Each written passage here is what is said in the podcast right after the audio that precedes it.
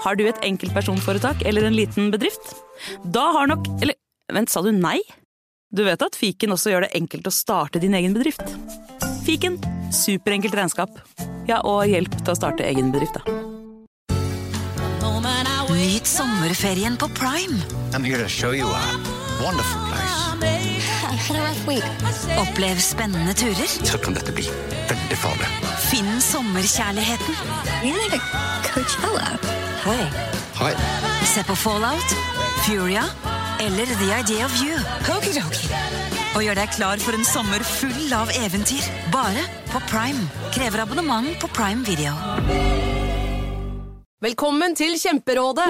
Vi har fått inn et kjempeproblem her. Jeg leser. Jeg er på ferie med familien. Det er gøy, bortsett fra at jeg har gips på begge beina. Kan ikke bade eller dra noe sted. Jeg føler meg veldig begrenset. Hilsen begrenset far. Begrenset far trenger ubegrensethet. Yes. Ja, Kanskje ubegrenset data fra 399 med familierabatt hos Telenor? Ja, det løser jo alt! Bortsett fra det med badingen, da.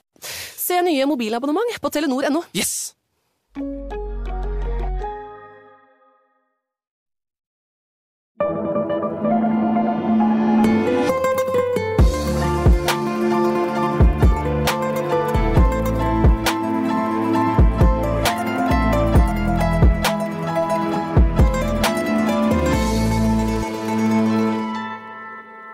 Hei og velkommen til en ny episode av Gangsterpodden. Mitt navn er også denne uken Jim Fosheim. Og mitt navn er også denne uka ikke Henrik Fladseth, men Morten Gallosen. Nå har jeg faktisk ikke sett Henrik i studioene siden før sommeren. Nei. Så nå føler jeg i hvert fall at uh, det er fair. Ja, vi, vi tøyser jo mye med at uh, jeg stadig vikarierer for han uh, uke inn og uke ut, men jeg tror Ja. det er på tide å snakke om en Ja. Permanent en. Ja, Nå tror jeg ikke vi skal nevne det noe mer. Nå får heller han eh, liksom være din vikar, hvis han ønsker det. Uh, dette er jo første iTunes-episode vel siden før sommeren? er det ikke det? Eller siden sommeren? Ja, eh, det er jo litt, eh, litt merkelig dette her, men eh, vi spilte jo inn masse episoder Ja. i mai-juni for å kunne ta ferie i juli, så for oss er det naturlig å snakke sånn. Det er jo bare fire uker siden Ja. siste var en episode på, um, på iTunes og Spotify. Men, Men- for oss er det lenge siden, ja. For oss er det lenge siden, og da er det jo verdt å minne lytterne som kanskje lurer på hvor har det vært eh, episoder de siste tre ukene. Har dere hatt ferie på ordentlig? Um, de har vært på Untold. De har vært på Untold. eh, Så det vi egentlig sier til alle lytterne som kanskje ikke tenker over hvordan logistikken er bak innspillingen, så er det jo Mm. sånn at vi tar jo ferie som andre folk. Ja. Som dere som hører på også i deler av juli. Ja, På det feltet så er vi akkurat som vanlige mennesker. ja. ja, så vi tok jo da og bare Det var ganske mye innspilling i juni. Det var det. Og det var varme dager. Ja, det var varme dager. Og så er det jo alltid sånn, vi prøver å um, Ja, å legge opp til at vi ikke trenger å ta alt i juni før hver sommer. Men så blir det sånn. Ja, det Ja. ender jo ofte med det. Eh, og det er jo produsenten alltid sånn, sånn passe fornøyde med. Ja, Men nå er vi tilbake i normal rytme. Til neste da, år så kan vi prøve, da. Ja, ja, vi kan alltid prøve. Men eh, vi er tilbake i normal rytme nå, til, eh, til produsentenes eh, store glede. Og da er det jo greit å få rytmen i gang hos lytterne også, som kanskje ikke veit om dette med Untold. For vi har jo vært ukentlig i eteren selv om vi har hatt ferie. Det har vi. Vi er jo hver eneste uke på Untold, altså denne eh, rosa appen som du kan laste ned egentlig overalt der du kan laste ned apper. Ja, Den er veldig tilfredsstillende å se på med den fargen, for den Ja. skiller seg veldig ut Ja, fra andre apper. Jeg merker jeg trenger det. Og eh, når du sier man kan laste ned hvor som helst Ja. eh, Jeg bruker jo Android-telefon. eh, Veldig glad i det. Jeg er veldig glad i Apple. Ja, Så jeg bruker noe som heter Google Play Store, stort sett for å laste ned apper. Ja, jeg bruker da AppStore til Apple. Ja, Og da bare skrev jeg en Eller jeg gjorde det én gang jeg skulle Mm. laste ned første gang. Skrev Untold, ned med en. Eh, men så er det jo noen som ikke ønsker å laste ned verken på Google Play eller på Apple. ja Da bruker man eh, nettsida som er untold.app. Ja. Eh, Veldig selvforklarende tittel. Ja. Eller URL, som det heter. Og um, hvis Det man er ikke overraskende mange som vil det. Ja, det, Jeg trodde er, ikke folk gjorde det, men det, det har blitt veldig populært. det, er ble, det er blitt det. Ja. Um, og uansett, da, om man bruker Google Play, AppStore eller nettsida, Ja. eh, hvis man gjør dette for første gang, Ja. så får man første måneden gratis. ja, og det er jo greit. Det er veldig greit. Det er bedre enn å ikke få det. Ja. Uh, og så kan jeg kan jo nevne at jeg har hatt streptokokker. Streptokokker. Ja, du har slitt eh, med helsa, rett og slett, de siste ukene. Ja, jeg har også gått på um, penicillin to runder. Ja, eh, For jeg fikk først fem dager, og da bare var det tilbake dagen etter. Og så fikk jeg sju dager. Så nå er jeg inne i en sånn eh, fase hvor jeg håper at jeg kanskje ikke trenger mer eh, penicillin. Eh, så det kan bli litt hosting i denne episoden. Ja, men det der eh, første femdageren det er bare for å bygge opp resistens i kroppen. Ja. Som gjør at du kanskje må ta en enda lengre kur eh, enn de sju dagene du har fått etterpå. Ja, Nå håper jeg ikke trenger mer. Jeg skal faktisk til legen om eh, to timer og ti minutter. Vet du hva? Da må vi gå i gang. Ja, vi må gå i gang. Vi, må gå i gang. Uh, vi kan også nevne, for det får vi jo ofte spørsmål om uh, også, uh, er det noe sted hvor folk kan sende inn forslag til Det episoder? Og er det det, er jo mulig. Ja, Um, Det vi foretrekker at folk gjør, er jo å bruke Facebook-gruppa Ja. som heter Historie for alle. Der møtes eh, lyttere av både Historiepodden, Historiepodden andre verdenskrig, Gangsterpodden, Ja. andre såkalt historiske podkaster her på moderne media, som alle er Ja. tilgjengelig i Untold for øvrig. Og det tror vi bare gjør, Mm. fordi at eh, det er en egen eh, Instagram til Gangsterpodden. Ja. Men uh, merker at vi har mer enn nok med å sjekke Historiepodden og Historiepodden andre verdenskrig, som bare er Historiepodden Norge Ja. på Instagram og Facebook. Mm. Kan dere ikke bare uh, følge den i stedet og uh, sende inn spørsmål der? Fordi da er det større sannsynlighet for at uh, det skjer noe, enn at dere sender på Gangsterpodden sin Instagram. Det er, det er litt sånn svik da, mot Instagrammen til Gangsterpodden, men jeg tror det er bedre for alle. Er dette din måte å si at du nok en gang har rota bort et passord på Instagram? Nei, jeg har ikke det. Men uansett, til dagens episode så er det slik at vi skal prate om en eh, kar som i sin tid ble regnet som Irlands mest notoriske forbryter. Da er du ikke mild. Nei, det er du ikke mild, for det er mye hardinger som har vært eh, opp gjennom åra i Irland. Mm. Det er det. Eh, og da prater vi om en Martin Cahill Martin Cale. Bedre kjent som, og det her sier litt om fyren, The General. Ja, da Eller høres på det ut irsk som The General. The General. Det er nok sånn de sier det. Ja. Eh, Men da høres det ut som du er uh, sjefen, da. Ja, det vil jeg Hvis det er noen som er over han, Mm. så vet jeg ikke hva han skulle bli kalt. Nei. Nei. Men uh, vi kan jo da også nevne at denne Martin Il presidente! Eventuelt. Helt naturlig ting å si blant irer. The president. Ja. Eh, Men Martin han sto da også bak noen av de mest kjente ranene i irsk eh, historie. Og siden han ofte dukka opp i irske aviser, så ble Martin eh, så godt kjent etter hvert at det ble laga en film om han etter hans død. Ja, og denne filmen den fikk lite overraskende tittelen The General. Ja. Um, og som vi skal da komme tilbake til mot slutten av episoden, så ble filmens regissør, John Boorman, faktisk da ranet av Martin. Ja, Det er eh, litt uh, spesielt turnover-event. ja, da har du en nærhet til stoffet du skal eh, jobbe med. Ja. Men eh, dette blir det altså mer om uh, seinere, for nå skal vi som vanlig ta oss tilbake til eh, begynnelsen av uh, fortellinga, og da skal vi først til den eh, 23. mai 1949. Det var dagen da Martin Cahill ble født i den eh, irske hovedstaden Dublin. Og jeg må bare skyte inn, eh, Jim, jeg var eh, på en italiensk flyplass ganske nylig. Sier du det? Og eh, da har du jo disse tavlene over avganger, ikke sant? Eh, Og der står det jo da først på engelsk, og så switcher det om til det lokale språket, som i dette tilfellet var italiensk. Italiano. Og veit du hva Dublin og Edinburgh er på italiensk? Skal jeg hete? Ja. Er det sånn, Klarer jeg hete det? Er litt for dumt til å være sant, faktisk. Da mener jeg at er Dublino. ja, det er riktig. Nei! Jo. Og hva var det andre? Edinburgh. Edinburgo? Ja. Nei, er det det? Ja. Nei! Jo da. Ok! Så Fordi at det trenger er ikke gjøre det vanskelig. For det er litt sånn som. Simpsons oversetter spansk-italiensk til engelsk, er Ja. med en liten O på slutten. Det er jo det. Ok.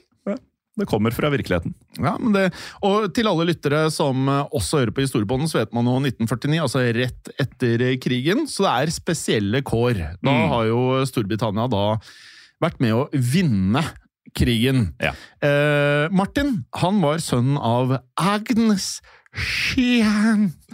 Som da er eh, moren. Ja, det er helt riktig. Og en alkoholisert fyrvokter ved navn Parek Kehel. Og når jeg da sier fyrvokter, så er det da altså snakk om eh, en person som da jobber i et eh, fyrtårn langs kysten. Ja, og det er jo den typen herlig selvforklarende yrkestitler Og det kan vi like. Ja. Ja, vi liker det veldig godt. Men eh, i motsetning til eh, faren Patrick, så foretrakk eh, sønnen Martin å stjele ting framfor å vokte noe. For mens eh, Martin gikk på barneskolen sammen med den eldre broren sin John, så skal de to guttene ha begynt å stjele mat. Og det er jo ikke det mest usympatiske å stjele. Nei, det er jo nesten litt sånn uh, som man kan gjøre av nødvendighet uh, i enkelte tilfeller. Og de gjorde visstnok dette for å hjelpe foreldrene med å rett og slett spare penger. Ja, for vi forstår det i hvert fall sånn at uh, foreldrene til Martin og John, de var blant de fattigere innbyggerne i hele Dublin. Ja, Og når det er blant de fattigere innbyggerne i Dublin rett etter andre verdenskrig, da står det ille til. Ja, det står ille til. For familien eh, Cale de bodde på et tidspunkt da i det som ble betraktet som et eh, slumområde i Dublin. Ja, og Da Martin ble elev på en kristen skole som lå i den samme gata som familiehjemmet hans, så skulka han ofte skolen for å begå innbrudd sammen med brødrene sine.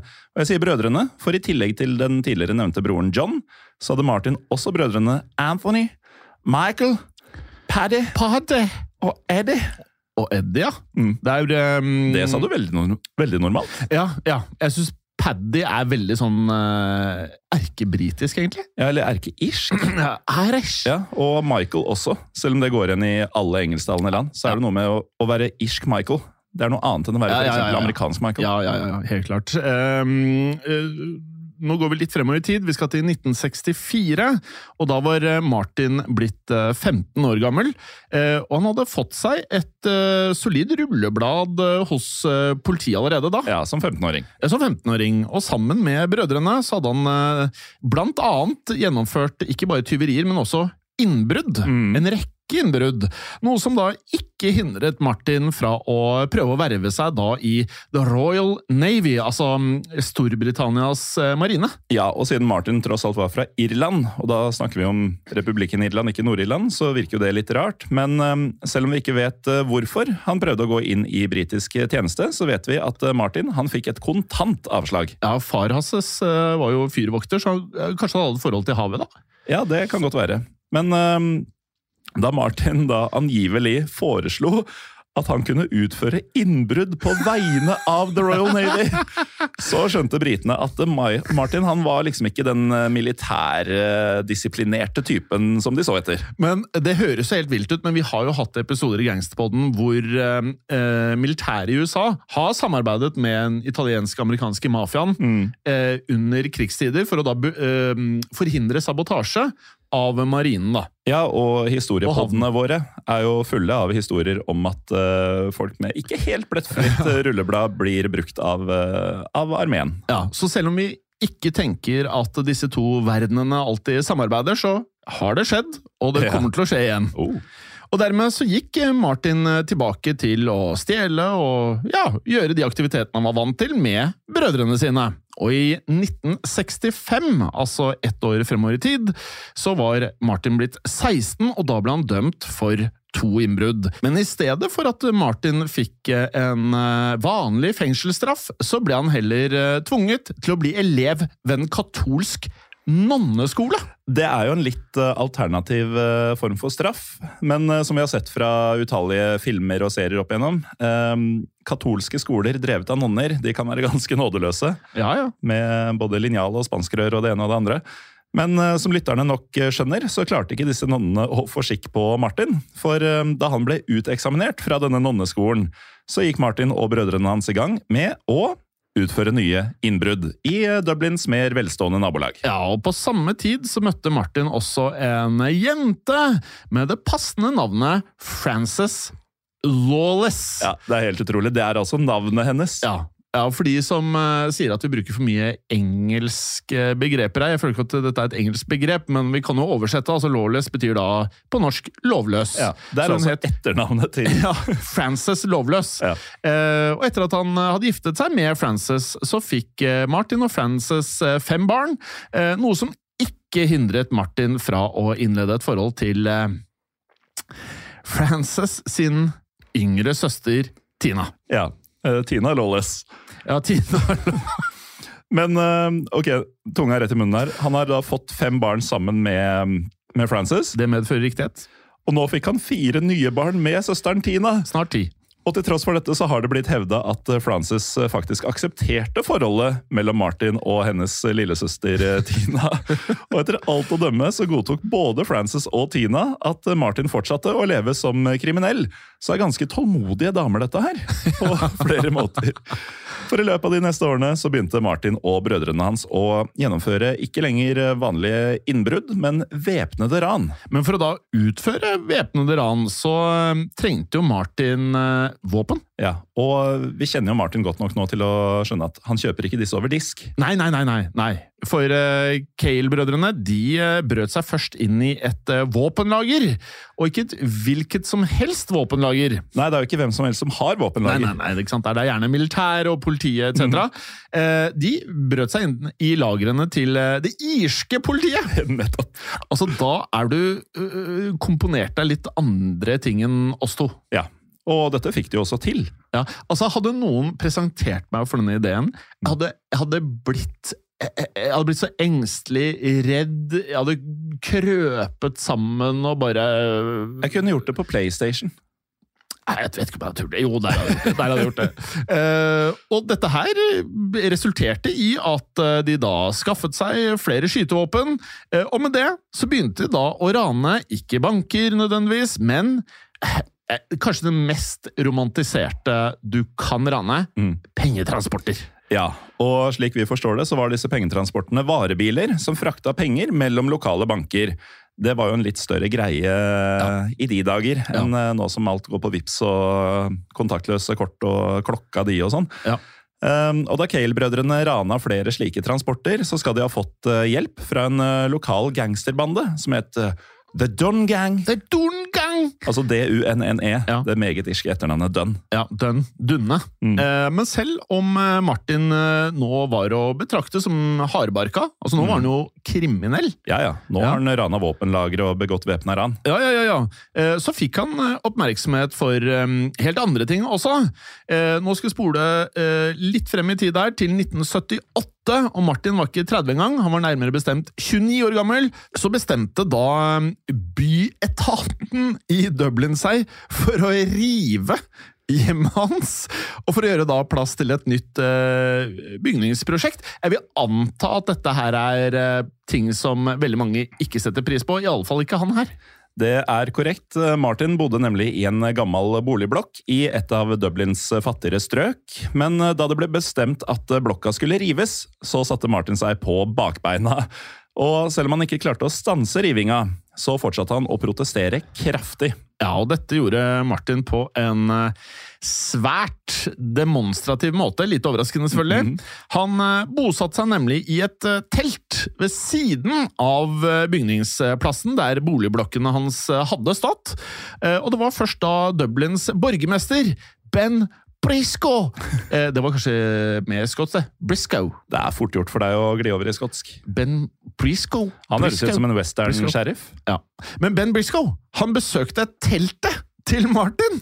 Um, og eh, overtalte da Martin til å flytte inn i et uh, nytt uh, hus. Mm. Og hvordan Briscoe klarte dette, det er selvfølgelig noe uklart for uh, oss, da. Men det kan jo tenkes, Morten, at byetaten da betalte for det nye huset til Martin og bare ja, punget opp pengene for å få problemet til å bli borte. Kan være. Men eh, selv om Martin nå flytta til et eh, finere nabolag, så la han ikke forbryterkarrieren sin på hylla. Han fortsatte i stedet med det han hadde blitt eh, glad i, nemlig ran. Og på starten av 1980-tallet så hadde han blitt lederen for en egen gjeng med forbrytere. Men i tråd da med at politiet utviklet ny kriminalteknologi, så begynte Martin å bekymre seg litt mer. Mm. Han fryktet nemlig at denne teknologien, eller forensic science som det heter på engelsk, ville gjøre det langt lettere for politiet å da skaffe eh, beviser, og gjerne da fellende beviser mot han og gjengen. Ja, Og det er jo hele poenget med dette her. Ja, ja. Og for å forhindre at uh, dette skulle skje, da, så gikk uh, Martin relativt uh, hardt til verks. Ja, det kan du trygt si, for i 1982 så plasserte Martin en bombe under bilen til James O'Donovan, som jobba som chief of forensic science for Dublin-politiet. Det er så hardt. Eh, å plassere bomba, eller? Ja. ja. Enig. Men da bomba eksploderte, så slapp eh, O'Donovan heldigvis unna med ikke livstruende skader. Minner meg litt om scenen i uh, Casino, hvor eh, de prøver å bombe Robert De Niro. Mm. Og så spoiler alert da, til alle som ikke har sett den. Robert De Niro dør ikke. Nei. Nei. Så det er ikke alltid at disse bilbombene Det høres ut som ok, du er ferdig, Mm. men du må gjøre ganske mye riktig for at det skal funke. Men det er jo en ganske kraftig eskalering her. da. Altså Du begynner med tyveri av mat, går videre til innbrudd, så væpna ran, og nå attentatforsøk med bombe. Ja. Og en annen uh, gangster som uh, var litt i motsatt ende, som ikke likte bilbomber, det var jo Scarface. Ja. Også en spoiler alert. Mot slutten av filmen så er det jo en bilbombe som da Scarface ikke er spesielt øh, begeistret for at skal gå av. Tenk å ha hørt på denne podkasten i kanskje ukevis, månedsvis, årevis uten å ha sett Scarface. Ja, da er Det skal ikke være mulig. Jeg tror det. Det, må være en, det er jo relativt ok med lyttere på denne podkasten. Det må være én lytter som ikke har sett den. Hvis du er han eller hun som ikke har sett Scarface, kan du ikke please sende en DM? Det er litt morsomt å vite. Ja, Eller eh, om du eh, er litt tøffere enn det igjen. Ja. Stå fram i Historie for alle på Facebook.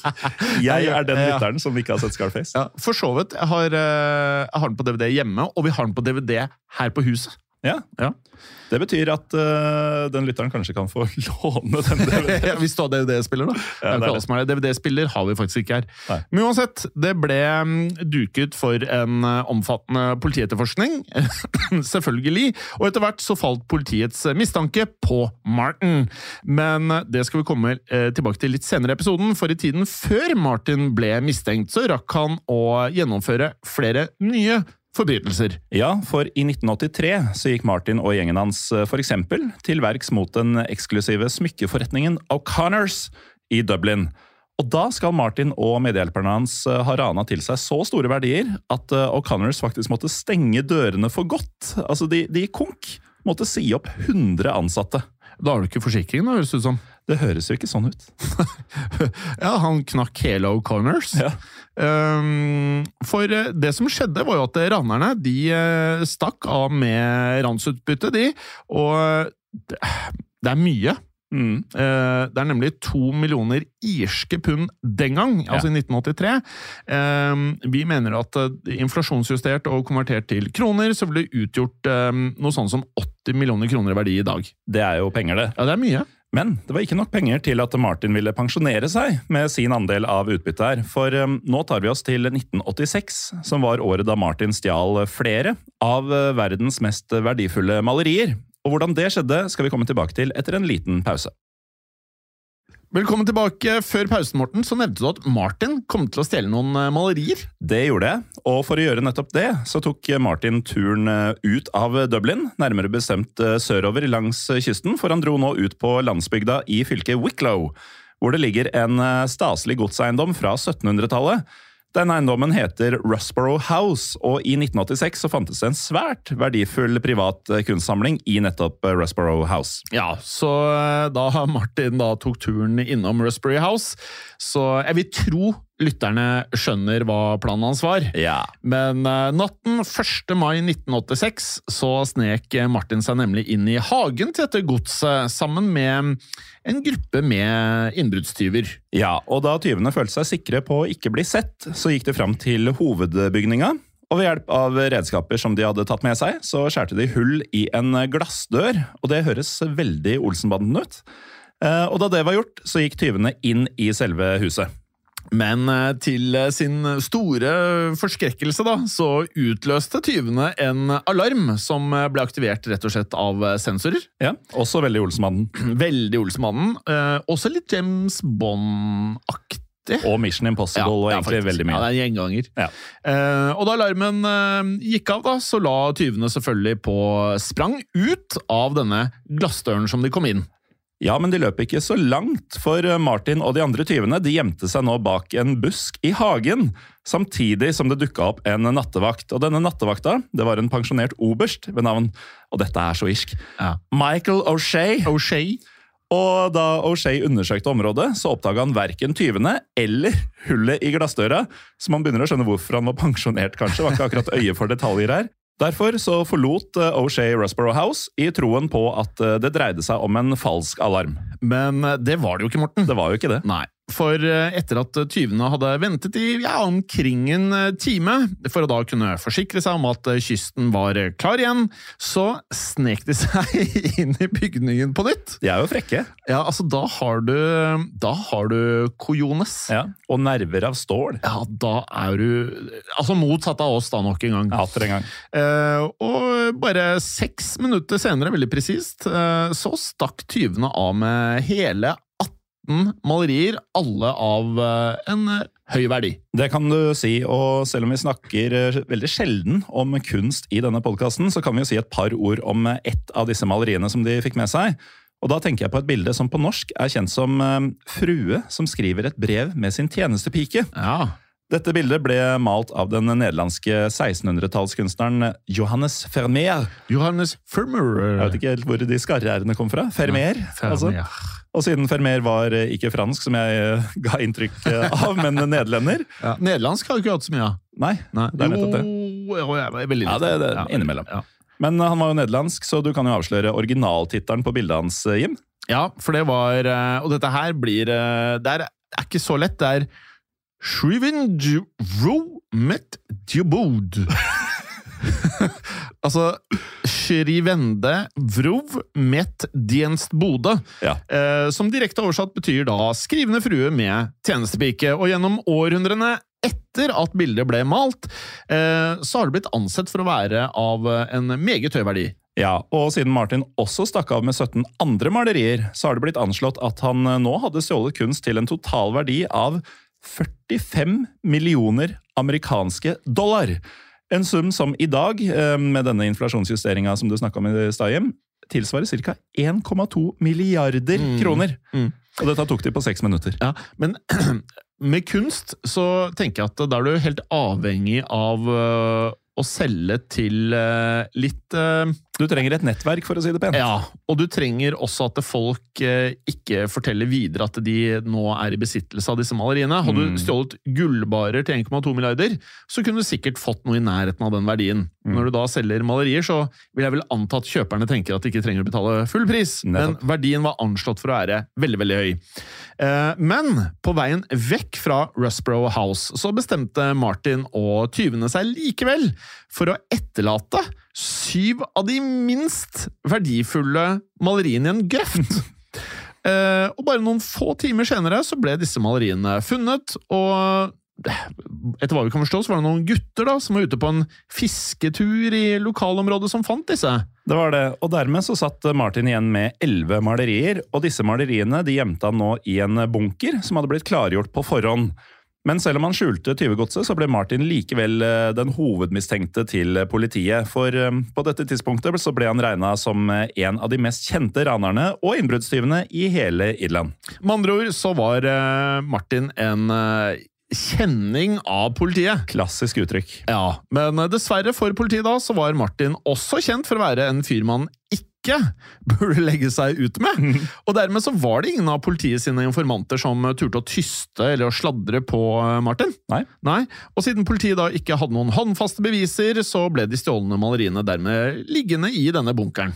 Men eh, som du var inne på, Hjem, til Martins eh, frustrasjon, så var det nærmest umulig å faktisk eh, omsette disse bildene og få solgt dem. For ettersom flere av bildene var verdensberømte, så ville jo da ikke-kriminelle kjøpere innse at det dreide seg om tyvegods.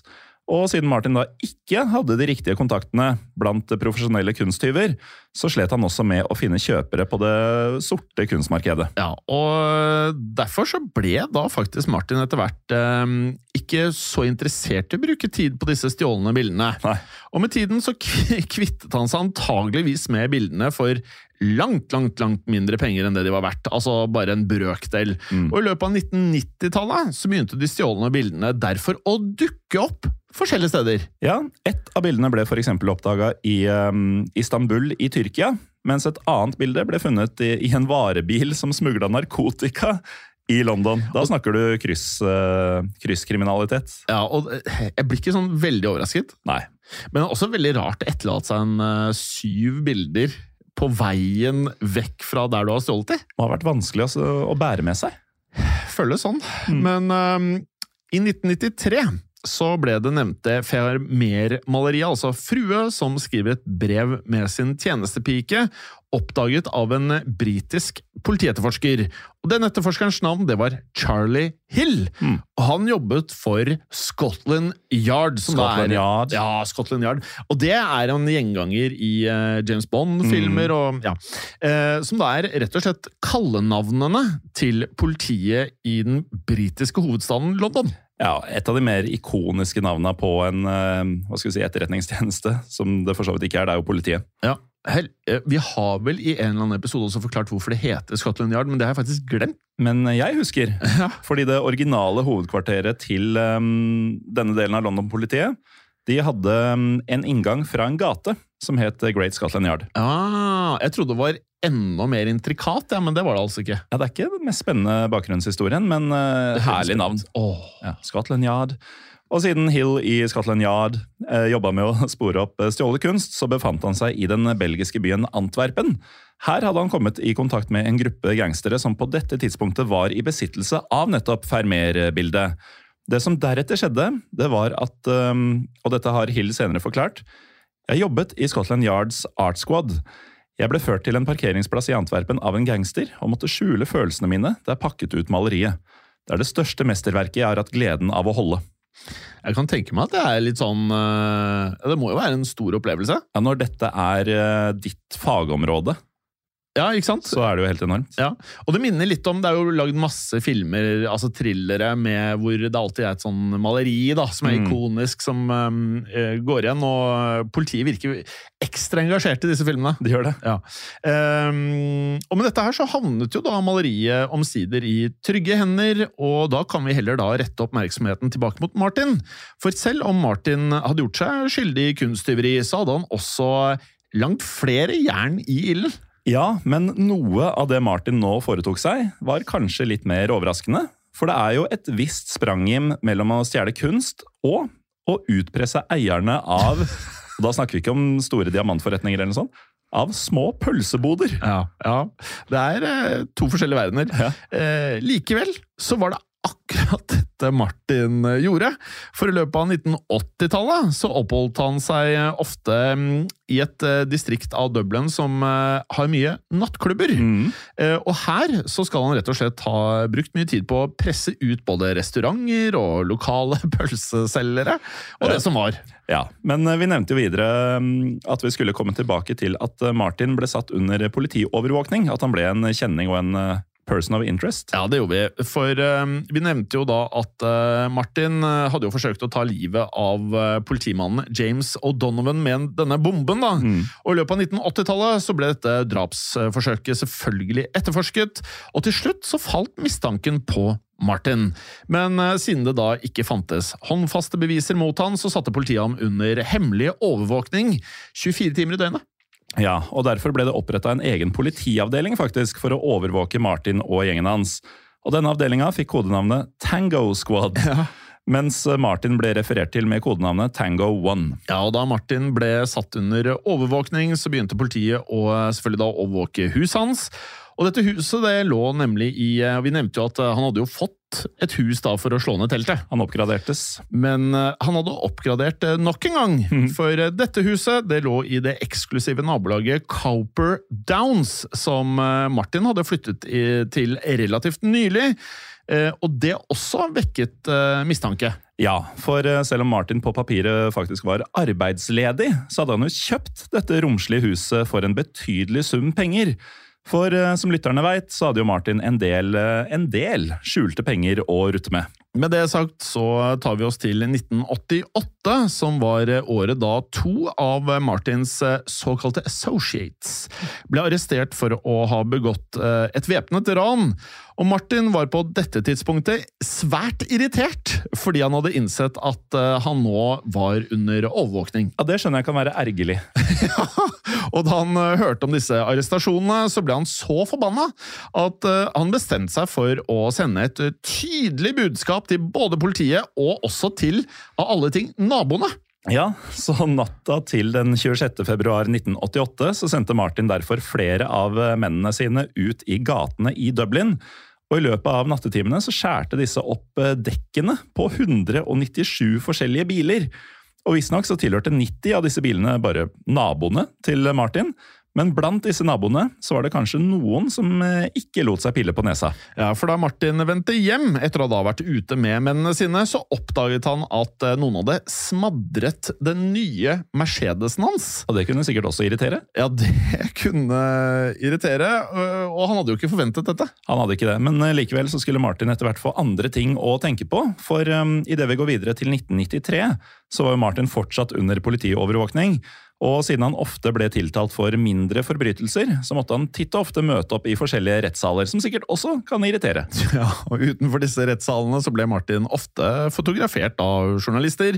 Men selv om Martin hovedsakelig dekket over ansiktet sitt med, med hånd og det han fant, eh, så kunne han iblant finne på å leke seg med fotografene. Mhm. Ja, For ved én anledning så skal Martin ha, ha trukket ned buksen, mens han da ble fotografert da utenfor en rettssal. Og da kan man jo gi lytterne et øyeblikk til å se for seg dette her, og kanskje Ja. tenke sånn Ok, hva gjør han da? Muner han dem? Altså Viser han rumpa, eller hva er det som kommer til syne? Det som kom til syne, Morten, det var rett og slett en Mickey Mouse-bokser. Ja. Det er jo også noe å vise fram til Ja. eh, journalistene. Men eh, selv om avisene i Irland ofte skrev om eh, Martin, så ble han likevel ikke omtalt ved navn. For å unngå at eh, Martin saksøkte dem for ærekrenkelse, så omtalte avisen han i stedet med det som nå hadde blitt det tidligere nevnte kallenavnet hans, nemlig The General. Og det sier jo kanskje noe, Jim, om statusen som Martin hadde opparbeida seg i Dublins kriminelle underverden. Ja, nå var han godt kjent i alle miljøer, men eh, siden han hadde til gode å bli tatt for de aller største forbrytelsene, så kan det jo da tenkes at Martin nå ble litt selvsikker. Ja, og da har man jo uttrykket 'hovmod står for fall'. Ja, for eh, vi har jo sett det i mange episoder her, at eh, når eh, mange av disse gangsterne holder på lenge nok, så eh, virker det som at de tenker at de aldri kan bli tatt. Ja, Føler Eh, seg ule udødelige. Noe neste planen hans eh, bar preg av. Ja, det kan du si, for i 1993 så hadde Martin et møte med et av gjengmedlemmene sine, og navnet på denne mannen det var John Trainer. Og ifølge Trainer så var det en eh, utmerket idé å rane kontoret til The National Bank of Ireland, som da lå i Dublin. Trainer hadde nemlig funnet ut at banken oppbevarte pengesedler til en verdi av 100 millioner kroner. Og det var jo musikk i ørene til Martin, som umiddelbart begynte å legge en plan. Ja, så 1. november 1993 så ble denne planen satt ut i live, den. Eh, på denne dagen så troppet nemlig Martin og gjengen hans opp utenfor hjemmet til bankens eh, direktør, en Jim Lacey. Og deretter så ble både Jim og kona hans Joan og datteren deres Suzanne kidnappet og ført til et hemmelig skjulested. Og her hadde en av Martin sine menn fått i oppgave å lure Jim Lacey trill rundt. Gjengmedlemmene som fikk denne jobben, var 33-åringen Jojo Kavanagh. Kavanagh hadde for øvrig fått sin første prikk på rullebladet da han stjal en motorsykkel som 11-åring. Hva skal du med en motorsykkel i den alderen? Det er sikkert uh, pur moro for Ja, dem. Antagelig. Ja. Og nå skulle da Kavanagh late som at eh, også han hadde blitt kidnappa av Martin, altså en mann på innsida. Ja. Dette her er sånn Det, det høres ut som en film. Ja. Og så hvordan i all verden kan han Jim la seg lure? Vi får se, da. Og Derfor så ble Kavanagh eh, bundet fast i et rom sammen med ekteparet Lacey. Og Martin han truet eh, rett og slett med å drepe Jim og familien hans hvis ikke Jim og Kavanagh kjørte til banken neste dag. Og dette gikk Jim selvsagt med på å gjøre, vel vitende om at han eh, måtte returnere med pengene fra bankhvelvet.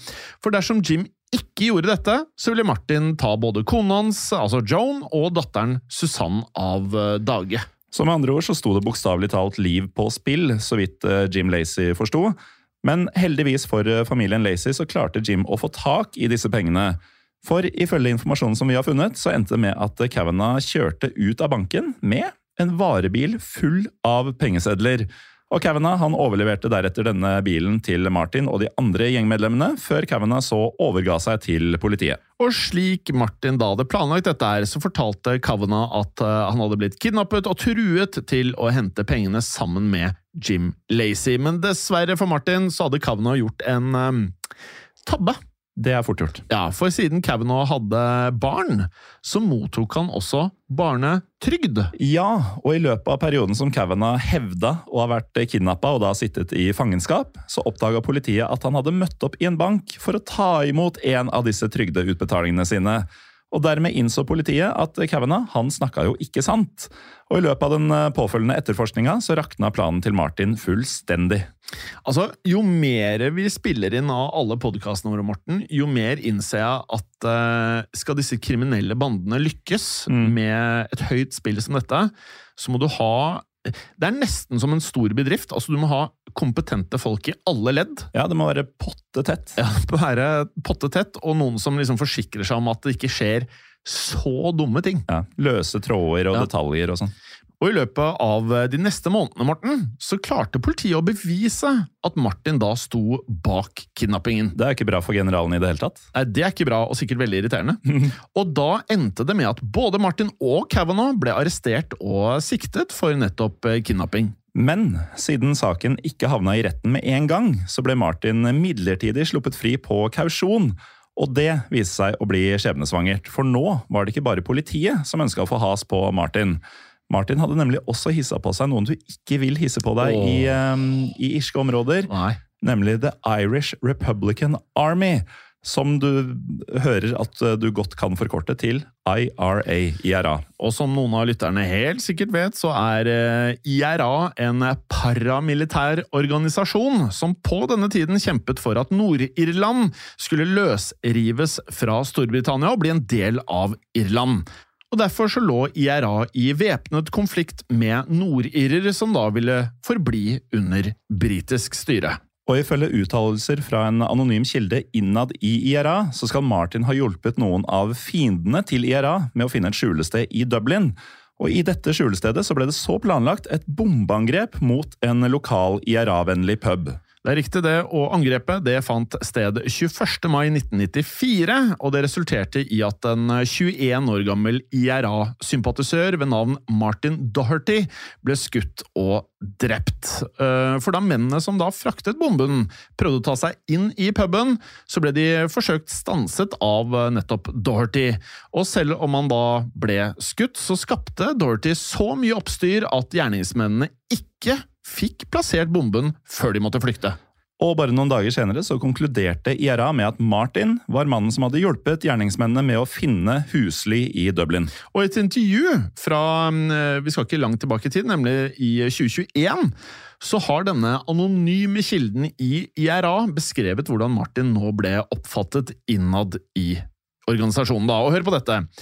Cahill brydde seg aldri om politikk, han brydde seg bare om pengene. Han trodde han var eh, usårbar, og at han kunne gjøre akkurat sånn han ville. Vi mistet en av våre menn. Slik vi så det, så hadde Cahill da forrådt landet sitt, og det måtte han betale prisen for. Og da hopper vi noen måneder fram i tid, til den 18. august 1994. På denne dagen så forlot Martin huset sitt for å ta en tur eh, innom en lokal butikk, og mens han satt bak rattet på bilen sin, så stoppa han foran et rødt lys i et veikryss, og vi veit jo fra filmer og serier, Jim, rødt lys kan være skjebnesvangert, det.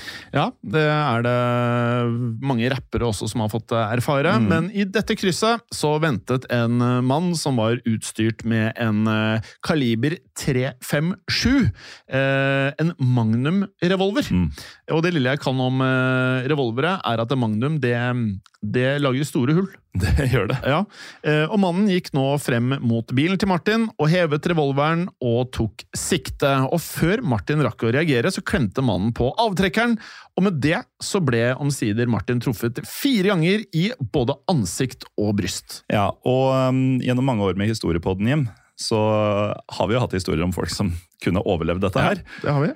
Men uh, Martin Cahill han døde nærmest momentant, og han ble dermed bare 45 år gammel.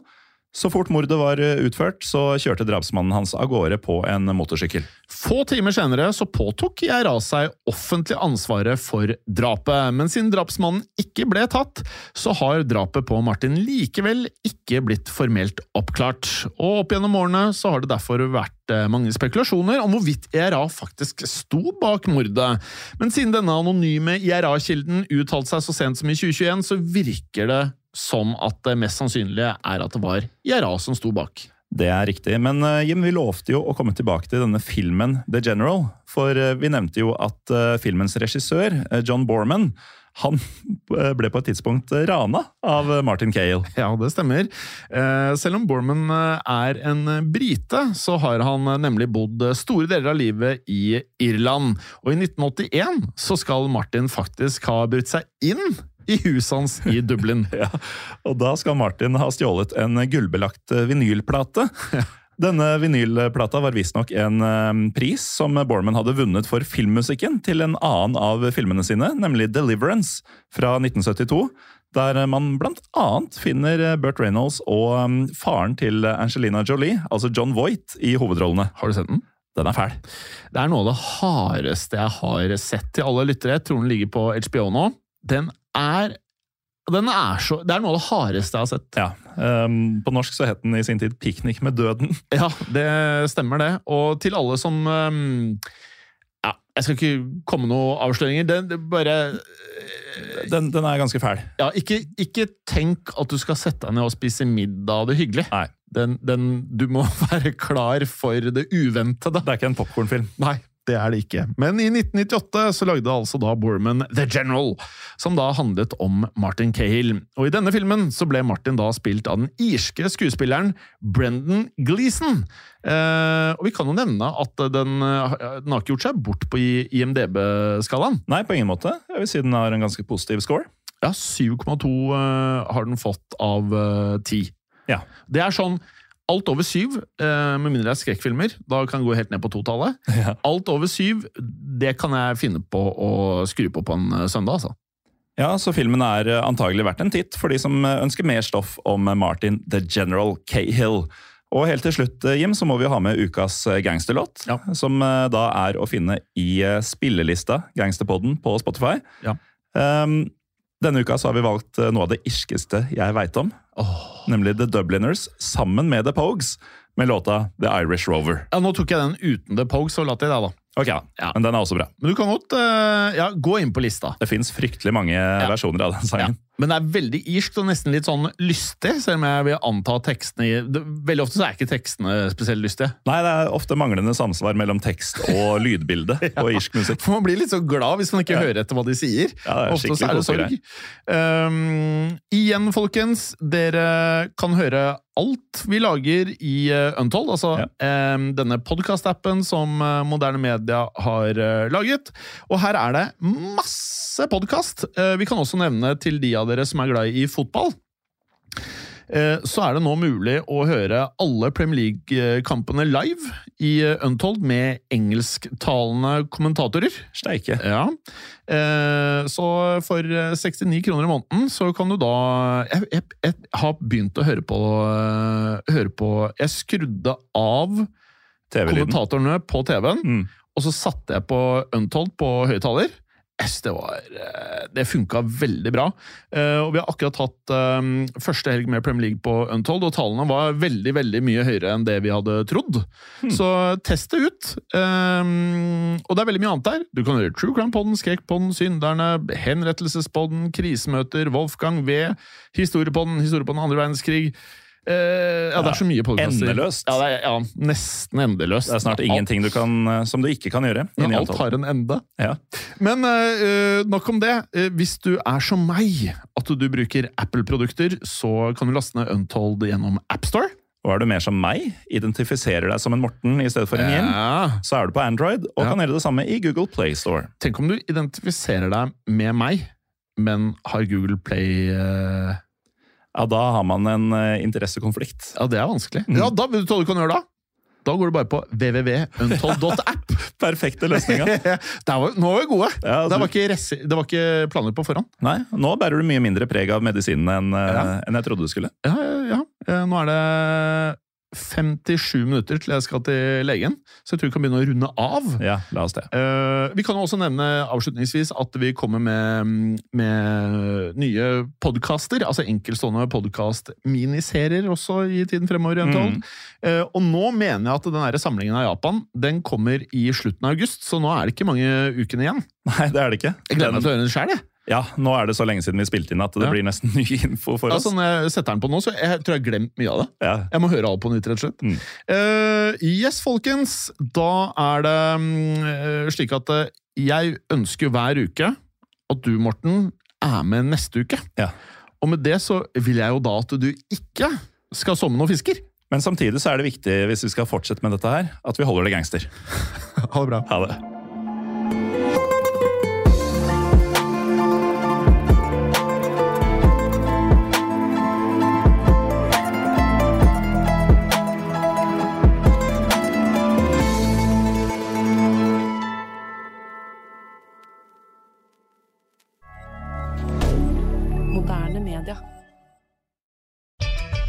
Kan kundene dine betale slik de ønsker?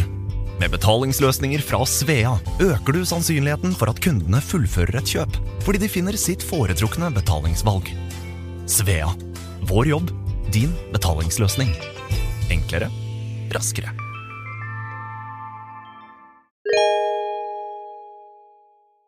Hei, Fredrik og Bjørn Henning her. Vår nye podkast Fordomspodden den er ute nå. Podkasten der norske kjendiser møter seg selv i døra. Har Kristin Gjelsvik alltid drømt om å lære seg å jodle? Ler Stig Henrik Hoff av eventyret Askeladden som kappåt med trollet? Bytter Katrin Sagen dobørste minst to ganger i året?